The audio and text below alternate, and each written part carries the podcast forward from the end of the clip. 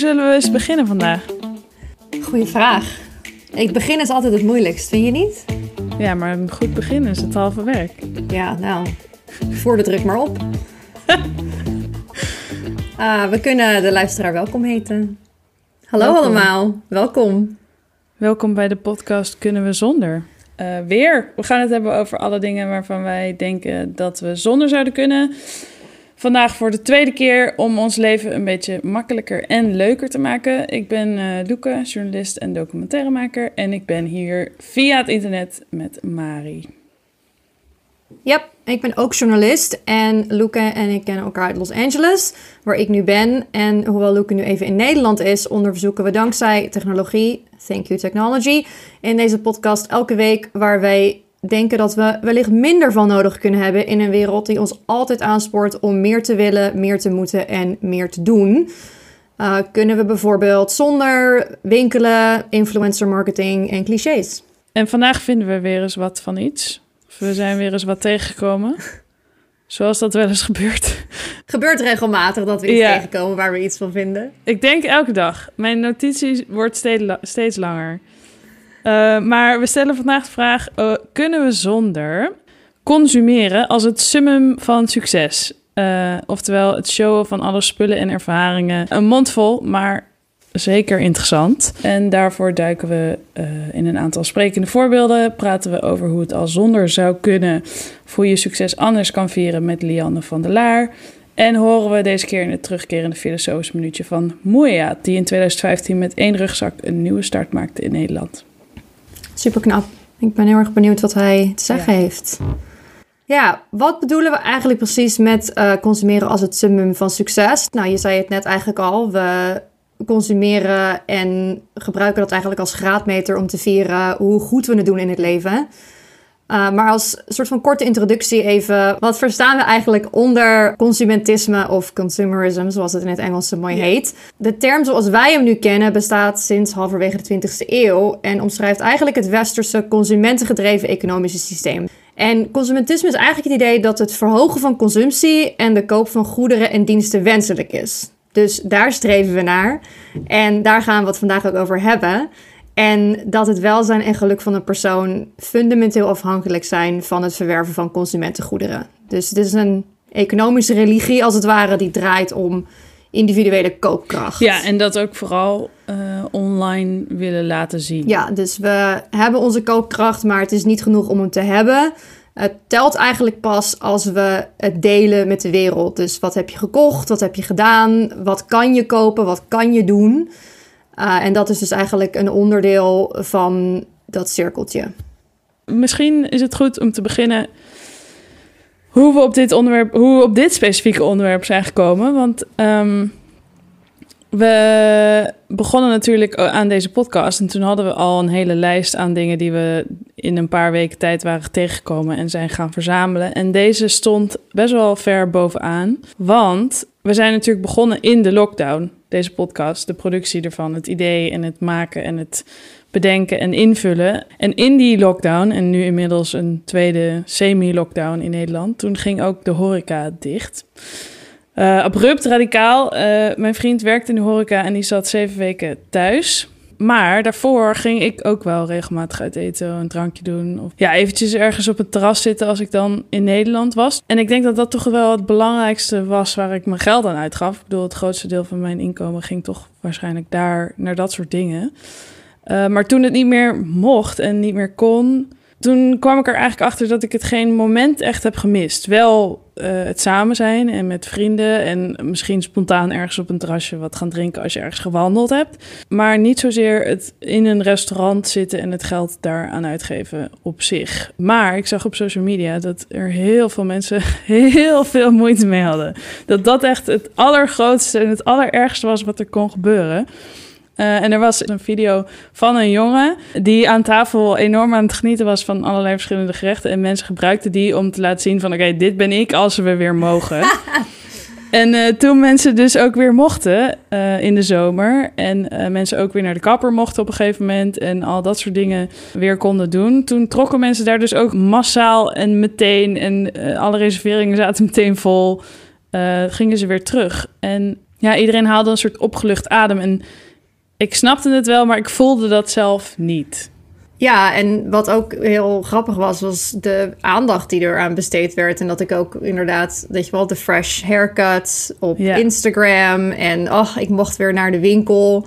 Ehm, wij hadden het over dat jij lange rijen had gezien eh, bij kledingwinkels in Nederland. En maar Ja. met een bepaald aantal mensen naar binnen mocht. Dat ik denk, wat is, wat is hier dan leuk aan? Er waren inderdaad winkels waar dan enorme rijen eh, voor kwamen staan. En daar stonden dan 10, 20 mensen drie kwartier tot een uur in de rij te wachten... om inderdaad even te window shoppen binnen. En ook weer met lege handen weg te gaan. Dus het ging ook niet alleen maar om het kopen van spullen... maar ook gewoon om de act of shopping. Ja, Ja. Ik denk dat dat mij heel erg is opgevallen. Vooral sinds het begin van de crisis. Is of het nou de zucht naar spullen kopen is. En de paniek die echt door het plafond ging toen de winkels dichtgingen. Of ook het, nou ja, het kopen van de spullen zelf ook. Uh, heel veel webshops en online winkels die zagen hun uh, verkopen um, extreem stijgen. En je zou zeggen, misschien, dat we met z'n allen minder verdienen. Ik wil, ik verdien minder nu, in ieder geval, dan voor um, COVID. Uh, dus laten we het even rustig aan doen. Maar consumeren is blijkbaar zo ingesleten en alles is zo gebouwd rond het feit dat wij met z'n allen blijven kopen en blijven reizen en onszelf blijven trakteren. Je bedoel, uitpakvideo's op YouTube tot travel influencers die ons jaloers maken met hun witte stranden en hun uh, beach cocktails. Foodbloggers die restaurants aanprijzen, sterren die hun muziekimperium uitbreiden met kledinglijnen. Het houdt eigenlijk niet op. Dus ik begon me af te vragen: kunnen we daar eigenlijk wel mee stoppen zonder dat we het gevoel hebben dat we compleet afgesloten zijn van een deel van de wereld, zonder dat we het gevoel hebben dat we niet meer meedoen? Let's dig in. Ja, let's dig in. Onder het motto: Wij zijn niet de enige twee mensen op de wereld. Uh, zijn we voor jullie op zoek gegaan naar voorbeelden van consumentisme en de manier waarop we erdoor beïnvloed worden. En die gaan we even ontleden. En Loeke, ik ga jou even iets sturen om te bekijken. Oh, ik word al meteen helemaal enthousiast, want dit is de trailer van The Queen of Versailles docu uit 2012. Die heb ik natuurlijk wel gezien. Oh, je hebt hem gezien? Ja, zeker heb ik Tof. gezien. Dat was een uh, fenomeen. We never sought out to build the biggest house in America. It just kind of happened. It's bigger than the White House. Two tennis courts, 30 bathrooms, full-size baseball field, 10 kitchens, antique furniture. 90,000 square feet. Oh my god. Ik moest er aan denken, deze documentaire van uh, Lauren Greenfield. Um, voor de luisteraars die hem niet kennen. The Queen of Versailles gaat over een miljardairstel. Dat vlak voor de economische crisis begon met het bouwen van een soort nou ja, modern paleis. Dat moest lijken op het Franse kasteel Versailles.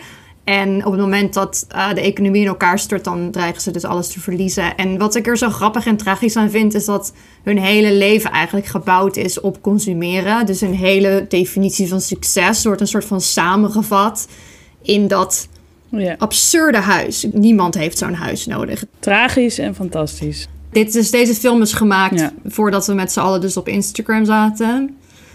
Maar door dit soort documentaires en ook door wel de media, je kan ook echt zien in de film dat de hoofdpersoon er echt van geniet om te laten zien. Ja, het is natuurlijk ook meer dan alleen social media. Want het gaat natuurlijk gewoon over het kunnen tonen van je succes. En je succes is in dit geval in het Westen geld en Ja. spullen. En hoe meer je daarvan kan laten zien dat je het hebt. En dus meer spullen kan kopen en meer geld hebt om er grote en extreme dingen mee te doen. Hoe meer succes je lijkt te hebben. En soms ook gewoon hebt. Of dan, ja, het is maar net wat je, wat je succes noemt. Het succes uh, van uh, schrijfster Roxane Gay, een van mijn favorieten, uh, is samen te vatten in het hebben van een tiny projector. Oh, dan ben ik super succesvol. Ja, heb je ook een tiny projector? Ja. Ik ben benieuwd, werkt dat? Ja, Wow. fantastisch. What's the story? Ik ben eerst even benieuwd. Oké. Nou, Roxane Gay, uh, schrijfster van onder meer uh, Bad Feminist, heeft laatst een online artikel geschreven over haar uh, koopgedrag tijdens de pandemie. En daarin schrijft ze: After nearly eight months of relative isolation, I have succumbed to Instagram ads, which have over the past while become increasingly ludicrous. Or my inability to resist them has become increasingly ludicrous. En dan legt ze dus uit dat ze meerdere semi-professionele lampen heeft gekocht om er beter uit te zien tijdens Zoom-gesprekken. Oh, En dat zie ik heel veel. dat haar ja. werkkamer tegenwoordig op een soort filmset lijkt. En dan vervolgt ze... The nefarious algorithm quickly understood that I am a sucker for technology and all things miniature. I began seeing ads for tiny projectors with alarming frequency. I already own a normal size projector, Oh. which I used the day it arrived and never used again. But it is a comfort, I suppose, knowing I could project something if I was so inclined. I have absolutely no need for another projector, let alone a tiny projector. Now, the conclusion is, spoiler, she buys the tiny projector. Ja. Vanwege de boodschap dat ze dus een tiny projector nodig heeft. Ja. Terwijl ze weet, I do not need it. ja, dat is ook wel interessant. Want dat zie ik heel veel van die verhalen over mensen die dus tijdens de pandemie meer zijn gaan kopen online. Ik zag toevallig laatst iemand op Facebook die zei van... eh, ik ben er weer voor gevallen, deze jas moest ik hebben. Kijk hoe leuk die is.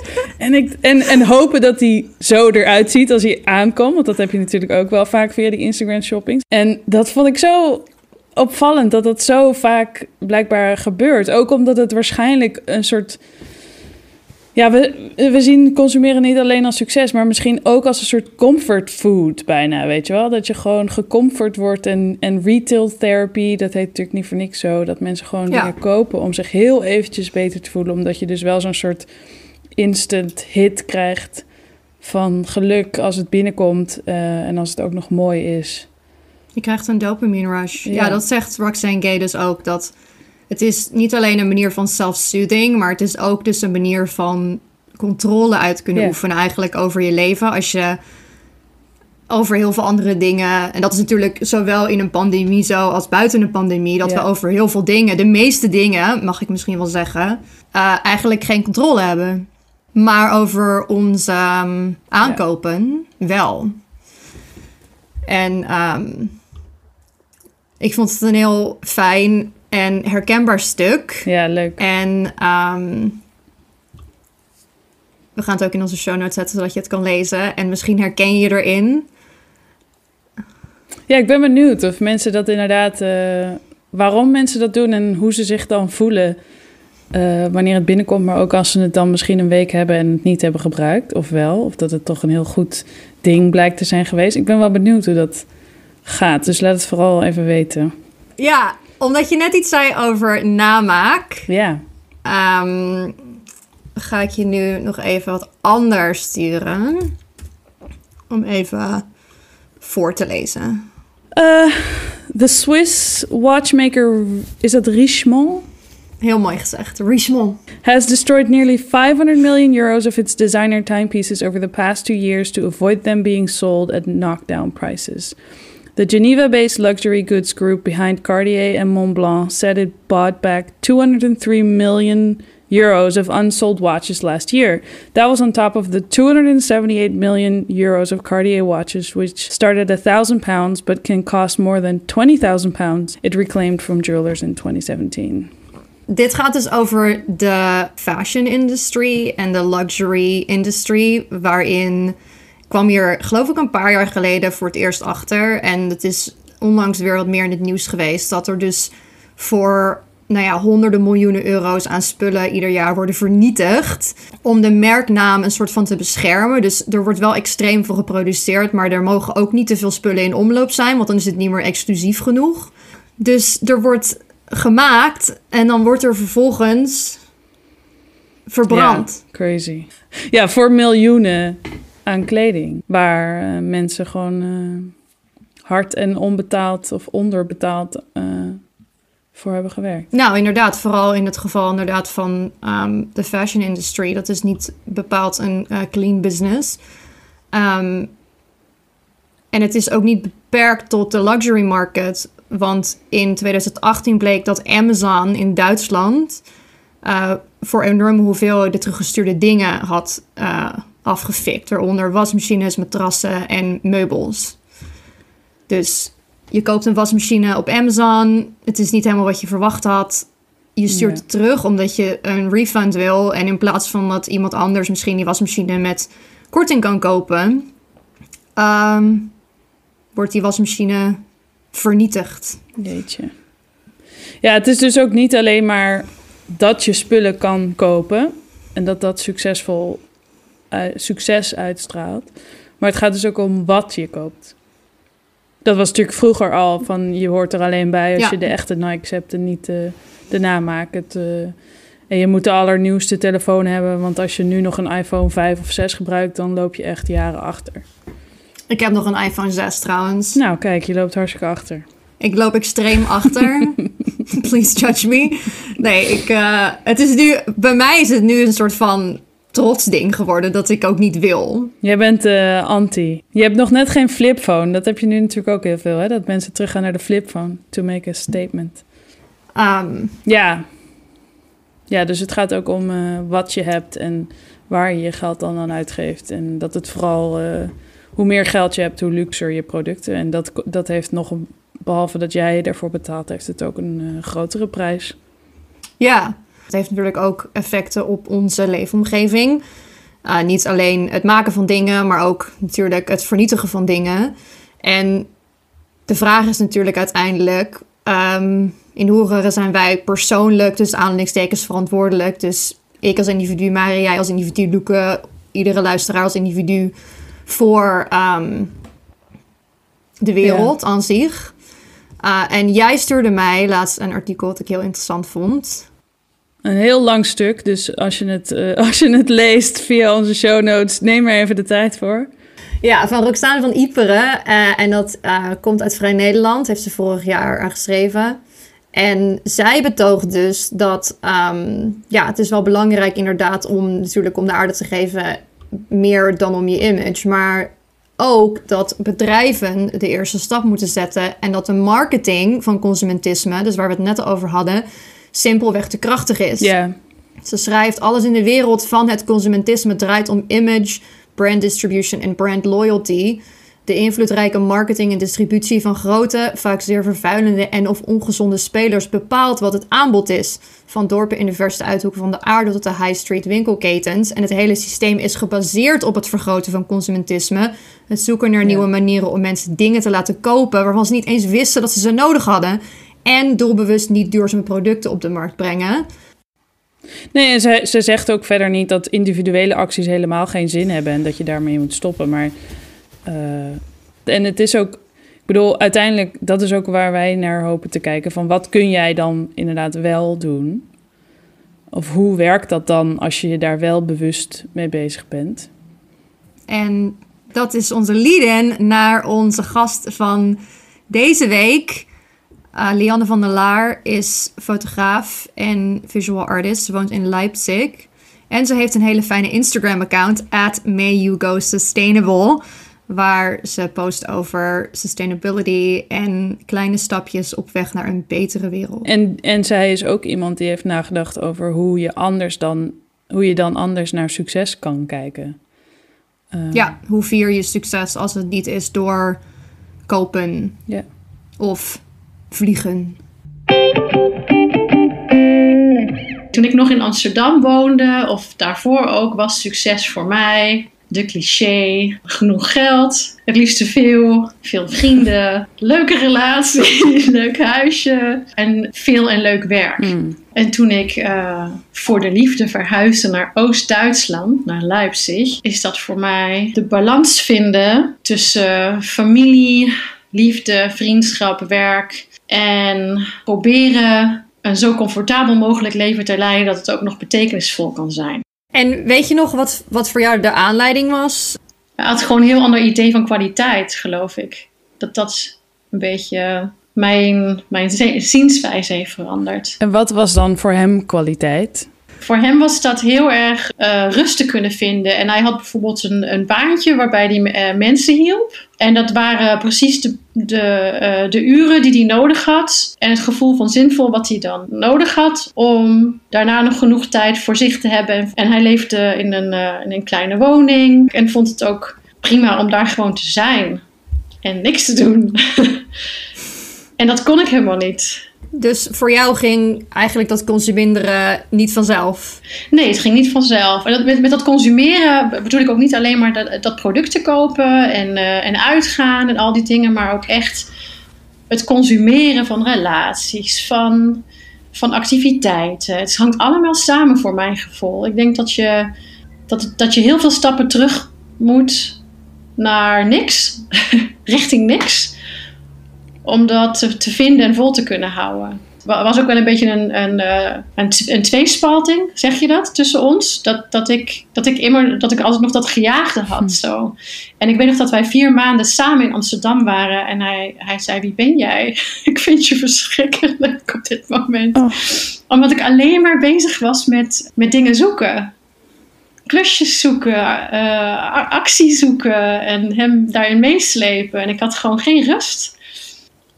Is dat misschien ook uh, een beetje hoe het is om freelancer te zijn, denk je? Dat moet je ja, eigenlijk maar ik altijd najagen, wel toch? Dat, het, dat, je het, um, dat je het moet structureren en dat je die balans wel moet blijven zoeken. Want ik merk ook wel dat, dat ik heel veel in de leegte gejaagd heb. Ik heb ook gemerkt dat als je je leven anders inricht en met minder uh, oké bent, dat je dan ook minder geld nodig hebt en minder werk nodig hebt en minder dat na hoeft te jagen. En als je je netwerk goed hmm. pleegt op een rustigere manier, is dat genoeg. Het is ook veel leegte waar je in investeert. Het was heel veel teleurstelling ook. En nu ben ik gewoon veel gerichter bezig en is het ook oké door mijn levenswijze als het een keertje niet lukt of als het een keertje langer duurt.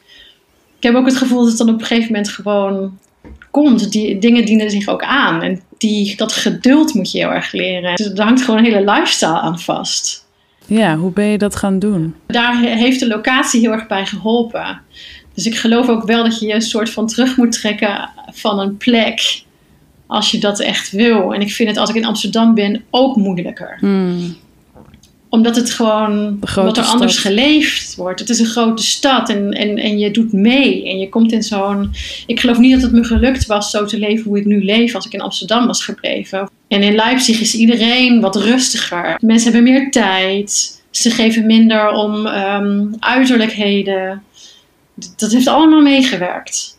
En toen de kinderen kwamen, toen ben ik heel erg gaan nadenken over wat voor kracht en wat voor um, gevolgen dat eh, voor de wereld zou kunnen hebben. Hmm. Um, omdat natuurlijk de toekomst, niet alleen maar de mijne, maar een verdere toekomst voor mij ineens een grotere rol ging spelen. Dus toen kwam heel erg ook, ook de duurzaamheid erbij. En kan je beschrijven wat je dan doet? Ja, ik, maak het, ik doe het echt niet altijd goed hoor. Maar ik probeer bij alles wat ik gebruik, consumeer, doe, in ieder geval na te denken. Wat het precies is dat ik nu doe. Leidt daar iemand onder? Leidt daar iets onder? Zodat ik misschien dat ook in de toekomst kan verbeteren. Waarom zouden meer mensen erover na moeten denken om uh, niet alleen zo te leven, maar ook op deze manier uh, misschien naar succes uh, te kijken? Ja, ik, ik, denk gewoon dat die vragen belangrijk zijn als je deel bent van uh, een groter systeem wat we zijn. En ik denk ook om, uh, om grote verandering um, te kunnen bewerkstelligen, heb je gewoon heel veel mensen nodig die, die dat samen doen en die samen zo denken. En het is gewoon noodzakelijk ook, want ik denk dat we allemaal uh, in deze molen zitten, in dit systeem, wat eigenlijk geen toekomst heeft. Het hangt allemaal samen. Niet alleen maar duurzaamheid en, antiracisme, antiseksisme. Het hangt allemaal samen met elkaar. Met, met een bewustzijn voor wat jouw acties voor reacties hebben en wat eraan vooraf gaat.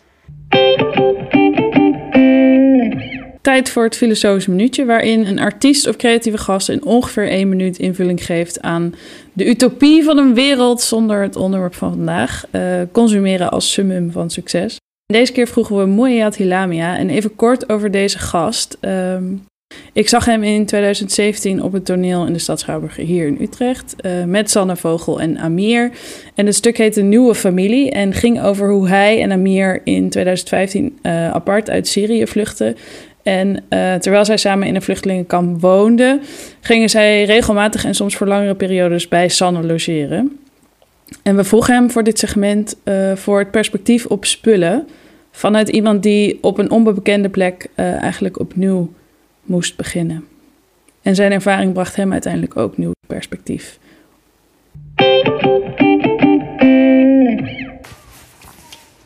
Toen ik jong was, was ik een beetje verslaafd om kleding te kopen en ik voelde me goed en fresh. En bijna elke maand koop ik iets nieuws. En vooral als een bekende brand heeft een aanbieding. Soms draag ik de kleding die heb ik gekocht en soms niet. Na een paar jaartjes een oorlog begon in mijn land en moest ik mijn thuis verlaten alleen met mijn kleine rugzak om nieuwe thuis te vinden. Door het reis en situatie zie ik hoe mensen werken zo hard alleen om brood op tafel te brengen. En soms lukt het niet. Dan besef ik hoe verwend ik was. Daarna heb ik ergens gezien over hoeveel water kost een t-shirt en nog over de wereld gestuurd om alleen voor een paar keer te dragen. In de tijd waar we moeten minder olie gebruiken. Nu probeer ik duurzaam kleden te kopen en alleen wat ik nodig heb. En heb ik geen probleem om tweedehand kleden te kopen. Super mooi en bedankt Moyat. Uh, je kunt hem vinden op zijn persoonlijke Instagram, @moyathilamia. Um, we zetten het ook nog eventjes op onze Instagram en in de show notes. We zoeken dus een wereld waarin we minder moeten. En daarom gaat onze challenge deze week over allebei. En ook de druk van het moeten die sociale media met zich meebrengt. Ja, en nog even ter uitleg over die challenge. Dat uh, hebben we in het leven geroepen omdat wij zelf hebben ervaren dat wanneer je iets gewoon even een keertje doet, een dag of een week. Of niet doet. Ja, of niet doet in dit geval. Uh, dat je dan even het gevoel kan hebben dat het ook echt anders kan. En dat dat uh, misschien een startpunt zou kunnen zijn om uh, een kleine of een grote verandering door te voeren in je leven. En voordat ik de challenge introduceer of vertel wat de challenge is, wilde ik nog heel even vertellen over een studie aan Harvard. Die tussen 1939 en 1944 plaatsvond. Waar honderden mannen die daar afstudeerden en die tot hun, in hun negentiger jaren werden gevolgd. En daaruit was eigenlijk de conclusie: geluk is liefde. Want mensen met de sterkste familiale relaties of vriendschappen, of rijkste romantische relaties, die waren uiteindelijk na verloop van jaren het gelukkigst van iedereen. Um, en daarom is onze challenge dus als volgt. We zouden jullie willen vragen, en onszelf, dat gaan wij ook doen. Um, de, om een uh, om een keer je succes te vieren. Niet met de aanschaf van een dure tas of een extra ritje naar de kapper of um, een sterrendiner. Met natuurlijk de bijbehorende post op internet. Maar vier je succes eens met de dingen die je al hebt en vooral met de mensen om je heen. Dus de volgende keer dat je iets te vieren hebt, houd een virtual happy hour. Bel je vrienden familie uh, en heb het er eens uitgebreid over. En deel het met elkaar. En vergeet vooral niet te zeggen dat je van elkaar houdt. Cute. Ja, en uh, time to practice what I preach. Maar wat ik wel al vaak doe, is dat als ik iets heb gedaan of er is iets leuks, of ik ben iets tegengekomen of ik heb iets te vieren, dan stuur ik wel altijd een heleboel berichtjes naar mensen van, uh, ah, this is happening. Ja. Dus nu is het gewoon tijd om ze op te bellen. Inderdaad. Meer persoonlijk contact en uh, minder druk om iets te kopen of ja. te consumeren. Heb je iets te vieren? persoonlijk deze week? Ja. Uh, nou, uh, op het moment dat we dit opnemen, zijn de verkiezingen net voorbij. En ik heb heel veel gewerkt in verslaggeving de afgelopen maanden, weken. Ja. Dus het zou eigenlijk wel fijn zijn. En ik vind het ook leuk dat ik daar nu even word gedwongen om daarbij stil te staan. Het zou eigenlijk wel fijn zijn om daar even op een um, persoonlijke manier bij stil te staan. Dus misschien ga ik zo meteen even iemand bellen om uh, te vieren op de, onze nieuwe manier. Gotta celebrate. Ja. Uh, bedankt voor het luisteren allemaal weer. Um, wij zijn te vinden op Instagram, kunnen we zonder. Je kan ons e-mailen, kunnen we zonder gmail.com. Uh, je kan ons ook een voiceberichtje sturen via uh, Gmail. We willen altijd graag van jullie horen. Hoe vond je van de aflevering? Hoe ging de challenge? Zijn er onderwerpen waarvan jij vindt dat wij er aandacht aan moeten besteden? En wil je nog graag een melding krijgen als de volgende aflevering klaar staat? Dan kun je je abonneren via Apple Podcasts, Spotify, Stitcher, eigenlijk alle podcastplatforms um, die er zijn. En uh, kies degene die het beste bij je past en druk op abonneren.